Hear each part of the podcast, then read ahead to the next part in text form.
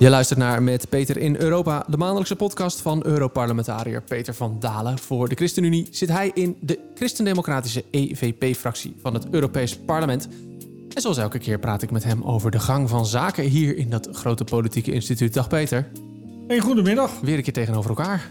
Dat is ook wel Ja, even geleden. zo is het een tijdje terug. Nou, hey, we beginnen natuurlijk met de actualiteit, zoals altijd. Ehm, afgelopen vrijdag besloten de ministers van Financiën van de EU-landen om Polen toch 36 miljard te geven uit het corona-herstelfonds.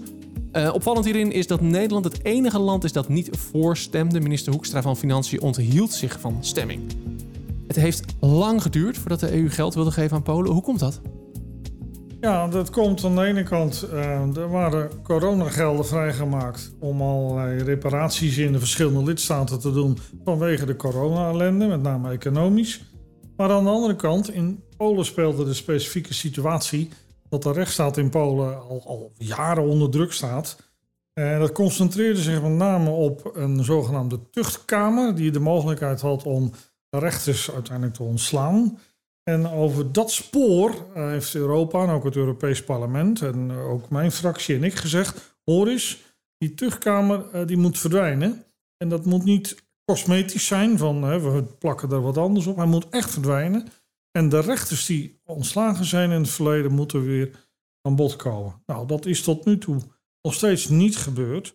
Dus wij waren erg kritisch over deze corona-herstelfondsbetaling aan Polen. Natuurlijk, strikt genomen zijn dat twee verschillende geldstromen.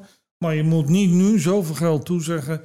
Terwijl we nog steeds in debat zijn met Polen over die rechtsstaat. Nou, dat is de discussie. Ik ben dus heel blij dat Nederland in de Raad zich onthouden heeft. Dat is een sterk politiek signaal. Maar, maar waarom niet tegenstemmen dan? Ja, dat had ook gekund, maar dan eh, zet je de besluitvorming eh, helemaal op slot. Dan gebeurt er dus niks. En dan weet je eh, dat je op een andere dag weer de tik eh, op de neus krijgt over een onderwerp wat jij zou willen. Dus echt tegenstemmen, dat is een absolute zeldzaamheid in de Raad. Maar ook je onthouden is al een heel duidelijk signaal.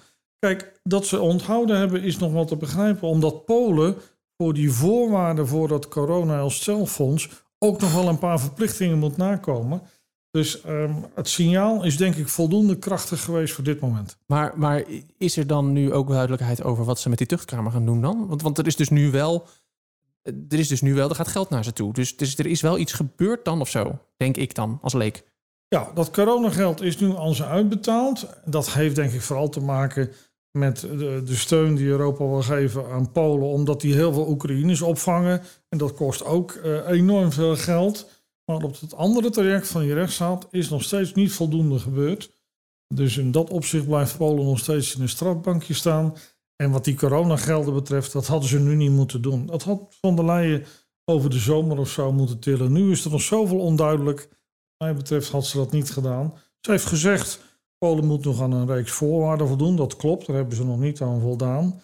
Maar ik vind het niet slim om dat nu zo naast elkaar uit te gaan keren. Had dat dan op een ander moment dit jaar gedaan? Ja, want het is eigenlijk heel gek. Ze moeten dus nog aan voorwaarden voldoen. Maar weet je wat, we gaan er maar met goed, op goed, goed vertrouwen vanuit. Hè, want we kunnen Polen blijkbaar vertrouwen. Eh, gaan we Nou ja, ervan uit dat, nou, ze, dat ze kijk, dat wel gaan doen. Ja, luister goed, er is nog geen cent uitgekeerd. Hè? De toezeggingen zijn nu gedaan. 24 miljard aan subsidies, 12 miljard aan leningen.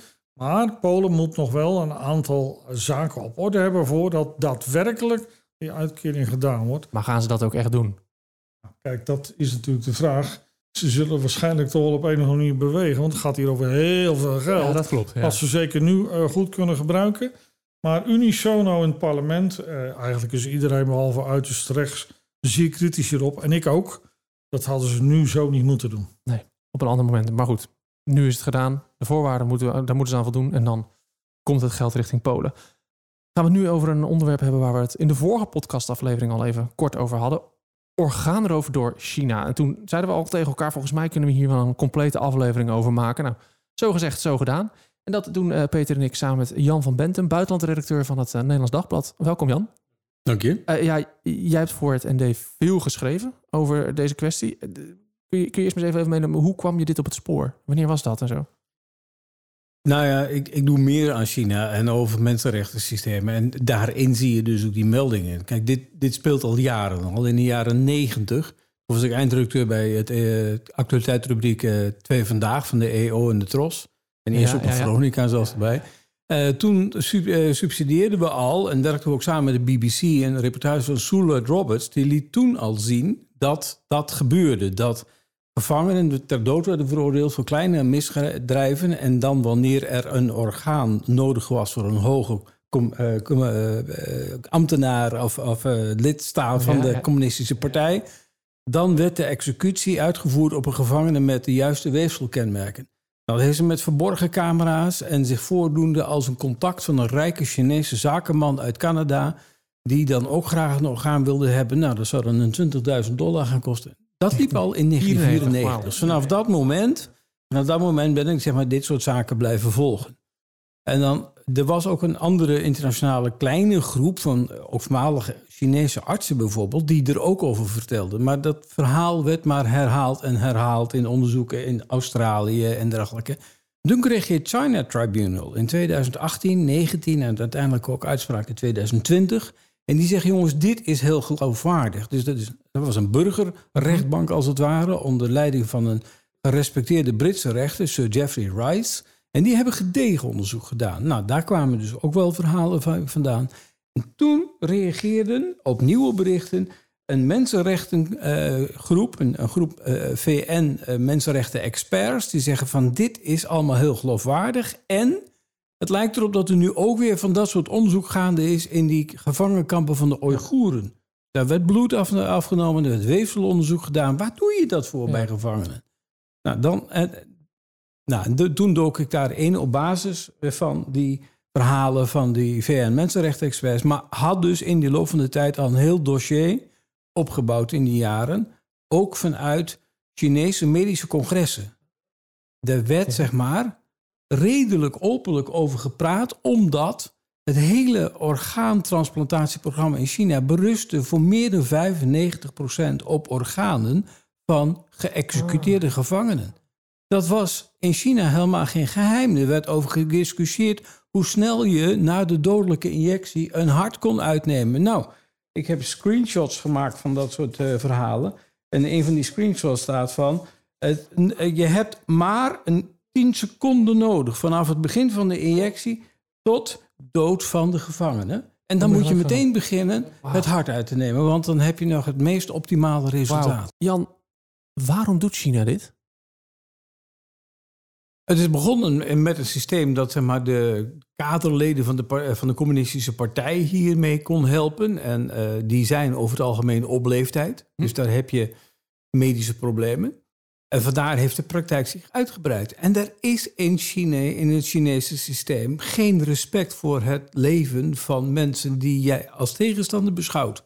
En of dat nou aanhangers van de Falun Gong zijn die het meest werden getroffen, of christenen, of Tibetanen en nu steeds meer Oeigoeren, dat zal Peking een worst wezen. Ja. Dat zie je ook in de manier hoe ze omgaan met, met minderheden, hun cultuur, hun levenswijze, hun geloof. Het interesseert ze gewoon niet. Dat is vijandig aan het grote systeem. En dan moet je bijna religieus beschouwen. Juist bij de viering ook vorig jaar van 100 jaar communistische partij. Daar gingen meer dan 5000 drones de lucht in bij eh, eh, Shanghai bijvoorbeeld. En die hingen daar, die maakten afbeeldingen in de lucht. En dan hoorde je ook, al hun luidsprekertjes waren gesynchroniseerd. Dan hoorde je stemmen uit de lucht tot je spreken. En dan krijg je dus echt een soort godsdienstig Nou ja. systeem... wat boven alle menselijke waarden en normen... en ook boven andere geloven staat. Ja, ja. En ik het denk, leven ik denk dat dat de ene route is. De andere route is gewoon commissie en corruptie. Hè, ik denk dat hierdoor als ziekenhuisdirecteur, maar zeker ook partijfunctionarissen die de andere kant op kijken en die dit eh, soort praktijken onder de tafel aanmoedigen, dat die gewoon een eh, salaris flink aanvullen. Want ja, we hebben ook in die hoorzitting wel bedragen horen noemen van wat dat dan eh, kost, zo'n orgaan. En nou ja, bij nieren ging het dan ongeveer tussen de 70 en de 100.000 euro. Maar bij een hart kon het wel oplopen van 500.000 tot 1 miljoen. Nou ja, als je er dan de getallen liepen uit een van 60.000 tot 90.000 per jaar hebt, dan zijn er dus aardig wat lieden Zo. Die er een flinke cent bij kunnen verdienen. Ja. En dat is de andere kant. Gewoon corruptie, zakkenvullerij. Keiharde commercie. Ja, dat ook. Ook gewoon. Dat ja. was in 94 toen Sula Roberts filmde ook al zo. voor haar eh, Chinese zakenman in Canada, dat zou dan 20.000 dollar kosten, de operatie alleen. En eh, nou ja, dat is in de, in de tussentijd aardig eh, meer Het zal alleen geworden. maar meer worden zijn. Hoe, hoe, groot, hoe groot is deze, deze praktijk? Heb je daar een, een, een, een inschatting van? Omdat er geen enkele eh, officiële eh, weergave is, moet je alleen maar schattingen doen. China zegt zelf dat ze na de Verenigde Staten de meeste orgaantransplantaties ter wereld uitvoeren. Dan Ja, praat je over deze manier. zo'n 30.000 per jaar. Ehm, maar dat is dan eh, zeg maar 30.000 donoren. Dan heb je zo'n drie eh, transplantaties per donor. Dus dan zou je nog naar veel meer eh, mensen gaan die organen hebben gekregen. Andere cijfers zeggen van ja, nee, wel tot 60.000 per jaar. Minimum wat ik vond is 15.000. Maar bijvoorbeeld in, in zo'n een van die congressen vertelde het hoofd van de transplantatieafdeling van het Volksziekenhuis in Peking. Ja, dat is dus een staatsziekenhuis. Die zei van joh, het, het afgelopen jaar hebben we 4000 transplantaties uitgevoerd in ons ziekenhuis. Waarbij praktisch alle organen eh, afkomstig waren van geëxecuteerde gevangenen. En dat is dus gewoon een medische discussie van hoe doe je dat zo Dat goed klinkt- mogelijk. Ik was zeggen, dat klinkt alsof het gewoon helemaal geaccepteerd is in China. Gewoon van, Dat, ja, ja, dit- dat was het ook. Ja. Zeker in de staat. ja, zeker door de staat. Ja, ja. Ja. want gewoon een Chinees op de straat. En dat betekent ook dat medici eigenlijk moesten meewerken aan de executie. Want als jij Mhm. een, een dodelijke injectie krijgt, dan geldt bijvoorbeeld in de Verenigde Staten 10 tot 20 minuten voordat je echt dood bent. Hier 10 seconden. Ja. En dan moet je al beginnen met het incisies maken, het hart uitnemen. Dan, Betekent Nou- dat dan misschien dat ze dan ook gewoon organen dus op die manier eh, uit mensen halen die nog leven? Nou, er is recent onderzoek naar geweest. Eh, dat is zeg maar na de artikelen die ik erover geschreven heb, na de resolutie ook in het Europees Parlement, is dat gepubliceerd onder andere ehm, door eh, de American Journal of Transplantation. Hebben ze op basis met, met artificial intelligence hebben ze alle mogelijke eh, Chinese medische artikelen doorzocht, duizenden en duizenden. Van hoe doe je dat nu? Nou ja, bijna alles ging over orgaantransplantatie van organen van gevangenen. En daarin hebben ze zeker 72 gevallen ontdekt, waarbij ook artsen eigenlijk wel melden van ja, de mensen leefden nog wel toen we het hart eruit moesten halen. Dus dan heb je feitelijk, zegt dit onderzoek, de executie uitgevoerd door het hart te verwijderen. Ja.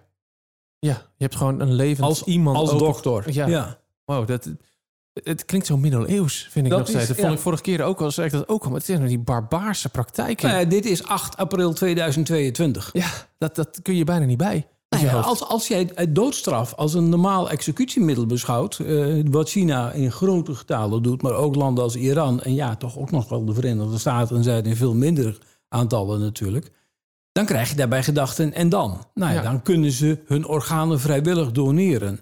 Eh, Taiwan heeft dat ook gedaan in de jaren negentig, nog zeg maar voordat Taiwan een, een democratie werd. Maar daar zijn maar drie gevallen bekend. ja, Oh, ja, In al die jaren. al die tijd. Nou, Ja. Hier heb je dat eh, meer dan per dag. Dat is per dag, ja, inderdaad. Ja.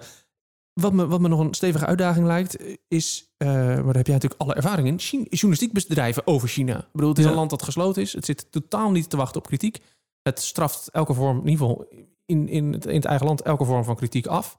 Hoe ga, jij, hoe ga jij te werk? Hoe doe je Het dat? legt heel veel dingen zelf vast. Denk bijvoorbeeld aan godsdienstvrijheid eigenlijk. Hè? De richtlijnen voor predikanten waar ze aan moeten voldoen. Dat wordt besproken door staatscommissies. Die hebben daar notulen van. Dat wordt vastgelegd in het Chinese systeem. Ehm, daar moet je dus ingaan. Nou, ik spreek geen Chinees. Maar je hebt wel namen, bijvoorbeeld van kerken waar naar wordt gekeken. Of in dit geval van ziekenhuizen waar transplantaties eh, plaatsvonden. Die voer je, die vertaal je in Chinees, dat voer je in het systeem in. Dan krijg je een ping terug van, nou, waar, waar, gaat het over? Dat ga je vertalen. Ik gebruik dan meestal een stuk of drie vertaalmachines om het goede te krijgen. Daar haal je de meest relevante eh, eh, eh, hoe heet het, resultaten uit.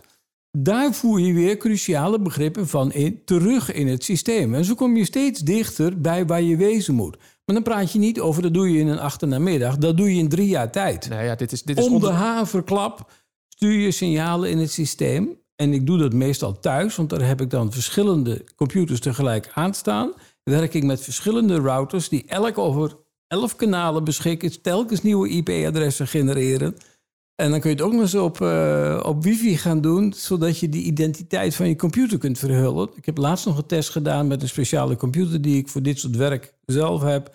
Als ik in het systeem van de krant en meer zit, het wifi-systeem van de krant, kan onze ICT-afdeling niet zien dat die computer aan het werk is.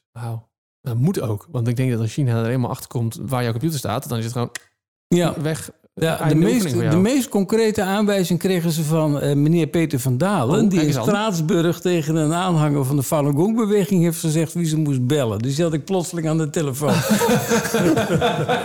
Is dat wel verstandig, Peter? Ja, Jan heeft al zoveel naam en faam op dit terrein, dus eh, why not? Hè? Ja. Kijk, goed. als ze je willen hebben, dan kunnen ze vinden. Ik Tuurlijk. bedoel, we hebben ook wel telefoon op ons privéadres gehad van een ander land. Dat dan eh, van, van, die dingen doe ik zo. Ik verzin nu even een postcode, dus als iemand zich aangesproken voelt, sorry. Ja, het is gewoon... Maar dat ze zeggen van, nou, dus jij woont op postcode 7211BA, nummer 7. Mooi huis hoor. Dan wonen jij en je kinderen vast wel heel aardig. Weet je Oeh. wel, de volgende keer als je daar weer naartoe gaat, dan kan er wel eens heel snel een ongeluk gebeuren. Ja, ja. Oh, jij hebt echt dat soort... Dat soort bedreigingen- wel dat gehad thuis. Ja, gewoon op je privénummer. Nou, dat geef ik niet op. Nee. Ook niet aan jou. Nee, nee, dat moet je ook zeker niet doen. Dat is gewoon voor jou. Joh, oh, wauw. Ja. Dus het is, het is misschien ook wel... Ja, ja sorry, sorry dat ik hier zo blijf hangen, hoor, maar dat is toch een beetje de... de, de ja, dat is toch een beetje de vakneurot in mij. Maar dit is ergens ook wel een beetje gevaarlijk wat je aan het doen bent dan. Of, Ja, maar kijk, ze kunnen je niet in Nederland pakken. Dan zou ik naar China moeten gaan. ja. En eh, daar ben ik wel een keer doorheen gereisd. Terwijl eh, de groep die betrokken was bij die verhalen van Soele Roberts... die zijn bij verstek tot acht jaar gevangenisstraf veroordeeld. En ik was een van die eindredacteuren. Oh, echt. De ja. enige die Ja. zei, Soele Roberts, die later nog weer... en die helaas is overleden intussen... maar die later ook nog weer terug is geweest in China... en dan weer onder een andere naam, een andere pruik... zag gewoon haar foto in Chinese politiebureaus hangen... van deze dame moet je zo snel mogelijk van de straat grijpen. En, en eh, zij werkt ook samen met de mensenrechtenactivist Harry Wu... In, dat, eh, in die eerste openbaring van dit hele verhaal. Harry Wu is later gepakt in China. Toen moest president Clinton nog tussen beiden komen om hem weer vrij te krijgen. Maar zo hoog loopt dit spel dan Zo dus. hoog loopt Zo dit spel. dan Dus toen ik in Peking op het eh, luchthaven stond... vanuit een reis naar een ander niet te noemen land... eh, keek ik wel een beetje van... verdraaid, er hangen hier wel heel veel camera's. Ja, moet ik en toen werd het nog wat enger toen ik door de politie in mijn nek werd gepakt. Ik was een zakmes vergeten in mijn toilettas. Oh, ja, dat kan je, dat kan je Dat dan... soort stomme dingen Ja, moet dat moet je niet doen. doen. Hey, gaan we eventjes van, van, van, gaan we eventjes van, van Peking naar, naar Brussel. Eh, Peter, eh, ik- wanneer hoorde jij hier voor het eerst van? Van dit, dit, dit- deze praktijken? Zeg, ik had hetzelfde als jij. Toen ik die artikelen van eh, Jan van Bendem had gelezen, zijn wij in ons team wat onderzoek gaan doen. En ja, toen kwam mij tot onze schrik erachter dat dit een praktijk is die al heel lang bestaat. En die zo omvangrijk is. Dus wat we toen tegen elkaar gezegd hebben, we moeten in de eerste plaats ook het Europees Parlement en de collega's hier eens van op de hoogte stellen. Dus we hebben een kleine hoorzitting gehouden in de Mensenrechtencommissie van het Europees Parlement. Eh, ergens in de tweede helft van vorig jaar. En toen hebben we inderdaad die Sir Geoffrey Nice, die voorzitter van het China-tribunaal, en een ander lid van het China-tribunaal online in een vergadering gehad. En die hebben toen eh, gegevens die het China-tribunaal had verzameld, verteld aan de collega's. Na afloop zijn toen echt diverse collega's naar mij toegekomen. En zeggen, Peter, wat horen wij nu? Wij weten hier niets van. Wat is dit allemaal? Nou, dat, Peter, als ik je mag onderbreken, is een ongelofelijke vorm van Alzheimer. Politieke Alzheimer, want het Europees Parlement heeft hier eerder al ook al over gesproken. Ja, dat klopt, in 2013. Maar er Ja. zijn ondertussen heel veel wisselingen geweest. Het parlement en de leden van 2013, nou, daar zijn er niet veel meer van. Ik was er nog wel een van, maar ik heb ook niet bewust die resolutie meer gehad. Maar de reactie die jij net had, Zegert, van wat is dit nu? Hadden in ieder geval drie collega's na afloop die naar mij toe kwamen. Nou, toen hebben we gezegd, ja, hier moeten we echt meer mee doen. Dus vervolgens, na die eh, kleine hoorzitting, heb ik een overleg georganiseerd tussen de verschillende politieke fracties. En we hebben toen gezegd, nou, hoe kunnen we het snelste dit onderwerp op de agenda van het parlement krijgen om een duidelijk politiek signaal richting China af te geven. Nou, dat was met die motie die Jan al eerder noemde. Dit voorjaar is er toen eh, in een urgentiedebat, zoals dat heet, een motie aangenomen die wij hadden voorgesteld over dit onderwerp. En dat was vrijwel unaniem. Een paar mensen van de linkse fracties die waren er tegen. Maar het is vrijwel unaniem aangenomen. Want ook in de plenaire vergadering en bij het debat erover in de plenaire vergadering waren er dus ook heel wat collega's die zeiden: Het is ongelooflijk dat dit anno nu nog in zo'n grote omvang uh, gebeurt. Ja, maar, ja. barbaars is het, is, het, is het woord dat dan bij je binnenkomt. Maar de, die motie is aangenomen. Wat, wat gaat er dan nu? Dat, is, dat, dat vraagt me altijd af naar zo'n motie. Wat gebeurt nou er dan? Ja, wat er nu uh, gedaan moet worden met die motie is... die motie was in eerste instantie gericht aan meneer Borrell. Dat is de buitenlandschef van de Europese Unie. Hier eerder die, we benoemd? Toch? Hebben we het eerder over gehad? Over... Nee, laat maar. Ja, die komt hier regelmatig wel ja? in de microfoon. Hè? Ja. En uh, hij heeft van tijd tot tijd uh, overleggen met zijn Chileense collega's over allerlei lopende zaken. En één keer in de zoveel jaar is er dan echt een top op topniveau tussen Van der Leyen en de Chinese president. Uh, en ook de, het land wat op dat moment de Europese Unie voorzitterschap heeft. Maar Borrell moet nu aan de slag en dat heeft hij ook toegezegd in dat debat van ja, we erkennen dat dit echt een serieus punt is en wij gaan in onze mensenrechtendialoog met China hiermee aan de slag. Ik heb hem toen wel na afloop nog gezegd: ja, hoor eens even. Het is mooi dat je dat doet, maar dat is echt niet genoeg. Dit is zo'n serieuze zaak. Jij moet dit ook uh, verder uh, in die topoverleggen die één keer in de zoveel tijd plaatsvinden aan de orde stellen. Want daar is dit gewoon veel te ernstig voor. En met name bepaalde groeperingen die getroffen worden. De Falun Gong, de Oeigoeren. Uh, die worden echt massaal door deze illegale organen erover getroffen. Dus jij moet er wel een schepje bovenop doen. Nou ja, dat heeft hij aangehoord. Um, maar dat is nu denk ik de belangrijkste stap. Het staat nu op de agenda voor overleggen tussen China en Europa.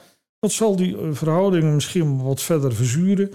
Maar eh, ja, dat zal maar eerlijk gezegd worst wezen. Dit is zo'n enorme mensenrechtenschending. Die kent zijn weergaan nauwelijks.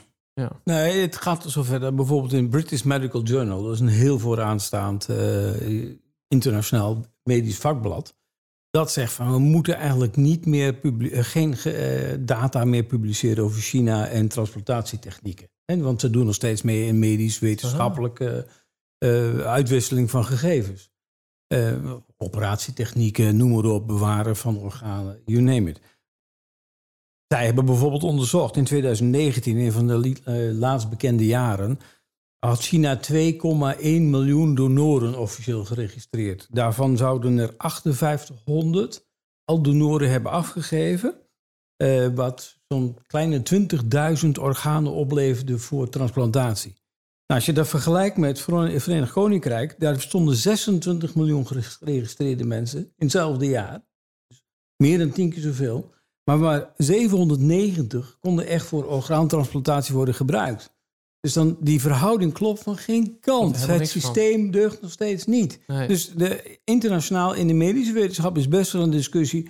Kun je überhaupt nog samenwerken met Chinese wetenschappers op dit soort terreinen? Want ze zijn betrokken bij verhulde praktijken die door de striktere richtlijnen van Xi Jinping en de zijnen nog geheimer zijn dan ze waren. Ja. Dat is een goede aanvulling van jou, Jan. Want onze motie hebben wij ook gerecht gericht aan het Europees Medicijnagentschap, die in voortdurend contact staat met medische instituten in heel Europa. En ook richting die instituten hebben wij gezegd: ga nou eens op beter na hoe dat je uh, relaties zijn in je contacten met Chinese medische autoriteiten. En voorkom dat je, onbedoeld uiteraard, maar de voorkom dat je op een of andere manier meewerkt aan die transplantatiepraktijk. En dat is bijvoorbeeld het geval bij ja, organen die dan uh, geïmplanteerd zijn in Europeanen, waar geen label uh, aan hangt en waar geen gegevens van beschikbaar zijn.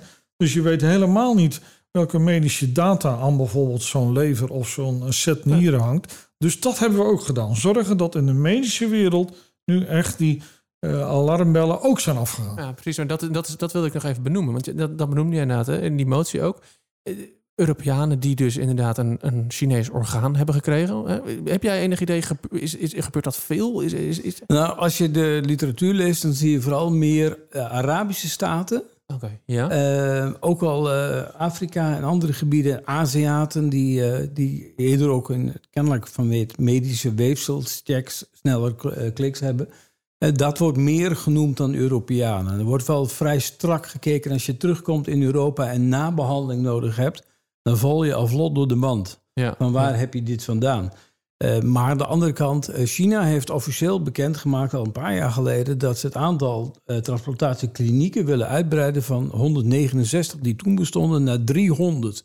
Zo ongeveer tegen, tegen nu, zeg maar. Dat zou allemaal dan op vrijwillige orgaandonatie eh, eh, moeten berusten. Ja, dat zeggen andere onderzoeken van dat zit er niet in op dit moment. Dat Nee. lijkt niet te kloppen allemaal. Nee, dat kunnen we nu, kan ik nu zelfs wel zeggen. Dat ik denk dat dat niet, eh, dat dat niet vrijwillig zal zijn. Inderdaad, nee. Nou, daar hebben we weten in ieder geval uit die eh, kleine hoorzitting die we vorig jaar met Sir Geoffrey eh Nice hadden, dat er een Italiaan dus was.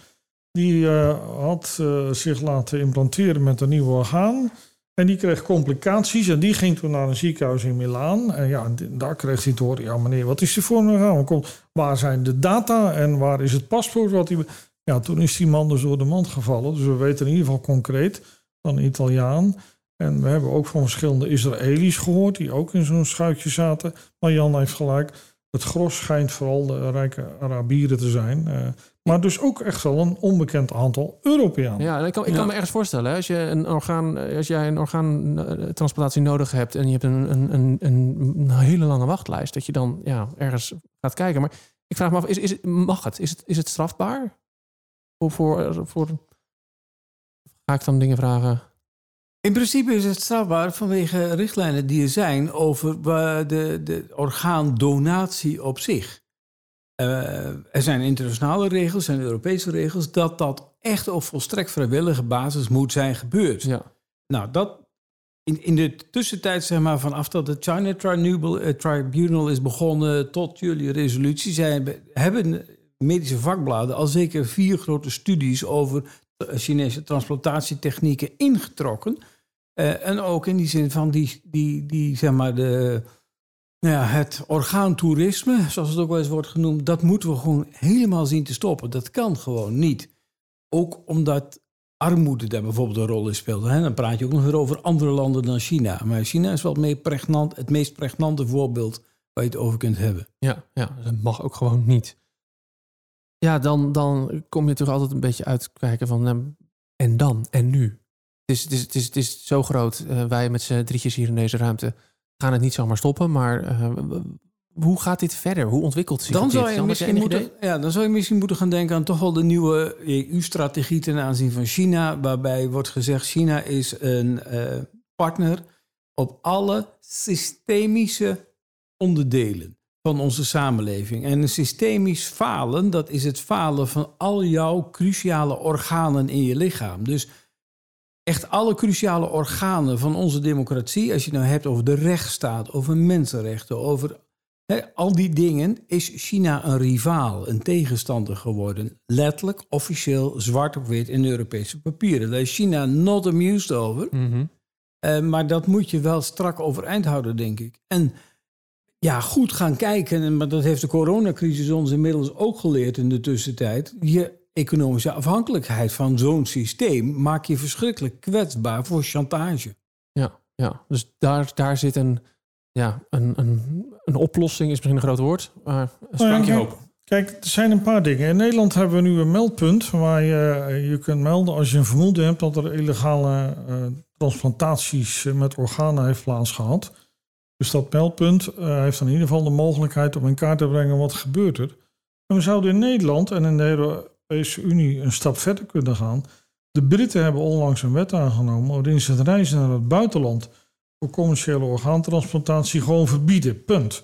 Dus als iemand terugkomt eh, en eh, niet kan aantonen eh, wat hij in China gedaan heeft, en als bovendien het vermoeden is dat zo iemand een orgaantransplant heeft gepleegd die illegaal is, dan is zo iemand strafbaar en is die nieuwe wet dus de wet waar die dan tegenaan loopt. Nou, zo'n wet in Engeland zouden we hier in Nederland en eigenlijk in de hele Europese Unie ook moeten aanbieden, om in ieder geval alles te doen wat mogelijk is om in te dammen dat dit orgaantoerisme, om het maar even onerbiedig te zeggen, toch doorgaat. Want Jan zei het net al, China heeft er baat bij om dat uit te breiden. China heeft geld nodig, China eh, wil meer macht uitoefenen.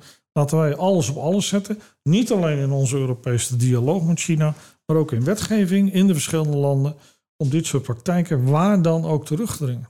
Jan van Benten, buitenlandredacteur van het ND. Bedankt allereerst voor het brengen van dit verhaal. En daarnaast dat je hier weer even was bij ons. Graag gedaan. Doe er wat mee, Peter. Ja, ja. Is al gebeurd, Jan. Ja, maar hou het druk be erop. continued. Kijk, dat, dat, zo, zo gaan we. Dan gaan, we, gaan wij ook nog heel even door op iets, nog iets wat vorige aflevering, die ging over de aalscholver. Ehm, en we kregen nog een reactie. En die wil ik je even stellen als, eh, als, als slotvraag vandaag. Ehm, Klaas Boer die reageerde. En die vroeg zich af of vissers niet net zo'n disruptieve werking hebben op de visstand als aalscholvers. En hij vraagt verder of daar dan geen goede alternatieven voor te bedenken zijn, zoals kweekvis. Nou ja, de Nederlandse visserij in uh, Europa en ook dus voor Nederland is zeer goed geregeld. Met systemen van quota's en waar je wel mag, niet mag vangen. En met welke vismethode je wel of niet mag vissen. Dat heeft geleid in de afgelopen 30 jaar tot een, een zeer goed herstel van de visstand in de Noordzee. Verreweg de meeste visbestanden in de Noordzee staan er nu uitstekend voor. Dus ik ga er niet mee heen als iemand zegt van joh, de visserij heeft een wat dan heet disruptieve werking. We hebben dat uitstekend geregeld in de visserij. In, de, in het IJsselmeer uh, zijn we ook bezig met herstelmaatregelen, met name voor de paling. Dus dat is één. We hebben een visserijbeleid wat gericht is op herstel van bestanden en dat werkt ook. Twee, ja, viskweek. Uh, het is niet zo dat je daar morgen even een bak viskweek uh, vissen uit de muur trekt. Vissen kweken is een ingewikkeld proces. Ik ben bij verschillende viskweekbedrijven geweest. En dat gaat ook nog wel eens mis. Om, om vis zo goed te kunnen kweken dat die vis gezond blijft, dat die vis te verkopen is.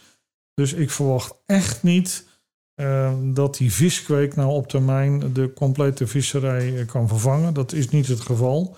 De enige echt succesvolle viskweek is op het ogenblik bij zalm, maar dat wordt ook al sinds 40 jaar ontwikkeld. Dus denk nou niet alsjeblieft, uh, we gaan vis kweken en dan zijn alle problemen de wereld uit. Absoluut niet. En uh, we hebben het net over China gehad in deze podcast. Maar je ziet aan de andere kant met name de Chinese visserij, die geweldig oprukt in, in landen rondom Afrika. En daar allerlei visrechten opkoopt en ook heel veel vis daar vangt. En dat gebeurt echt niet op een duurzame manier. En de visserijomstandigheden van het personeel aan boord zijn echt prut. Nou, als je dat vergelijkt ten opzichte van de perfect gereguleerde visserij in Europa, dan moeten wij die visserij hier zo houden. En moeten we ook op dat vlak die Chinezen de pas afsnijden. In alles dus. Ook in dit. Heel goed. Ja, dan zijn wij aan het eind van deze aflevering. Hoe ziet jouw week eruit komende week? Nou, ik heb um, morgen een gesprek met de nieuwe Pakistaanse ambassadeur bij de Europese Unie. Oh. Ook dat gaat weer over de mensenrechten situatie en de godsdienstvrijheid in Pakistan. Wordt dat dan een leuk gesprek? Want ik, jij in Pakistan hebben, we hebben het ook al eens eerder over gehad. Dat, dat is niet altijd uh, even... Ja, kijk, ze kennen mij inmiddels in Pakistan, dus dat zijn altijd wat uh, ongemakkelijke gesprekken. Dat geloof ik, ja. nou, daarnaast heb ik een overleg met de visserijcommissaris Sinkevicius over het visserijbeleid in Europa. En ook over een dissertatie die onlangs in de Universiteit van Wageningen is gepubliceerd over de pulskorvisserij. Daar hier ook al eens over gehad. En die dissertatie laat zien met allerlei wetenschappelijke gegevens dat die puls echt puik is. Dus dat, uh, die dissertatie geef ik aan de commissaris uh, deze week. En verder hebben we een hele belangrijke stemming uh, in Brussel. We hebben daar ook af en toe wat we dan noemen een mini-plenaire vergadering van twee dagen. En de stemming deze week gaat over het zogenaamde Fit for 55-programma. Een programma met voorstellen van de Europese Commissie om de klimaatveranderingen aan te pakken, CO2-reducties te gaan waarmaken. En dat programma, uh, daar gaan we over stemmen, ook deze week. En dat zal ook wel worden aangenomen. Dat gaat heel veel betekenen voor de mensen. Bijvoorbeeld de uh, nieuwbouw, de nieuwproductie van uh, auto's met fossiele brandstofmotoren. Die zal worden stopgezet in 2035, staat er in die voorstellen. Dus uh, dat zijn uh, ingrijpende voorstellen waar ik het 100% mee eens ben, die hard nodig zijn. Kijk maar naar de smeltende gletsjers en uh, de toenemende enorme weersveranderingen die we zien. Dus dat zijn wat highlights voor deze week. Genoeg te doen dus. En dan over een paar weken zien wij elkaar weer. Ja. Helemaal goed, dankjewel. Je luisterde naar Met Peter in Europa, een podcast van de ChristenUnie en de EVP-fractie. Mijn naam is Segert van der Linden. Wil je reageren op een van de thema's uit de podcast? Dan kun je mailen naar eurofractiepodcast.gmail.com of uh, je vragen stellen via social media.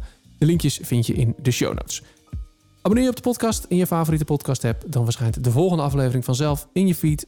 Bedankt voor het luisteren en tot de volgende aflevering.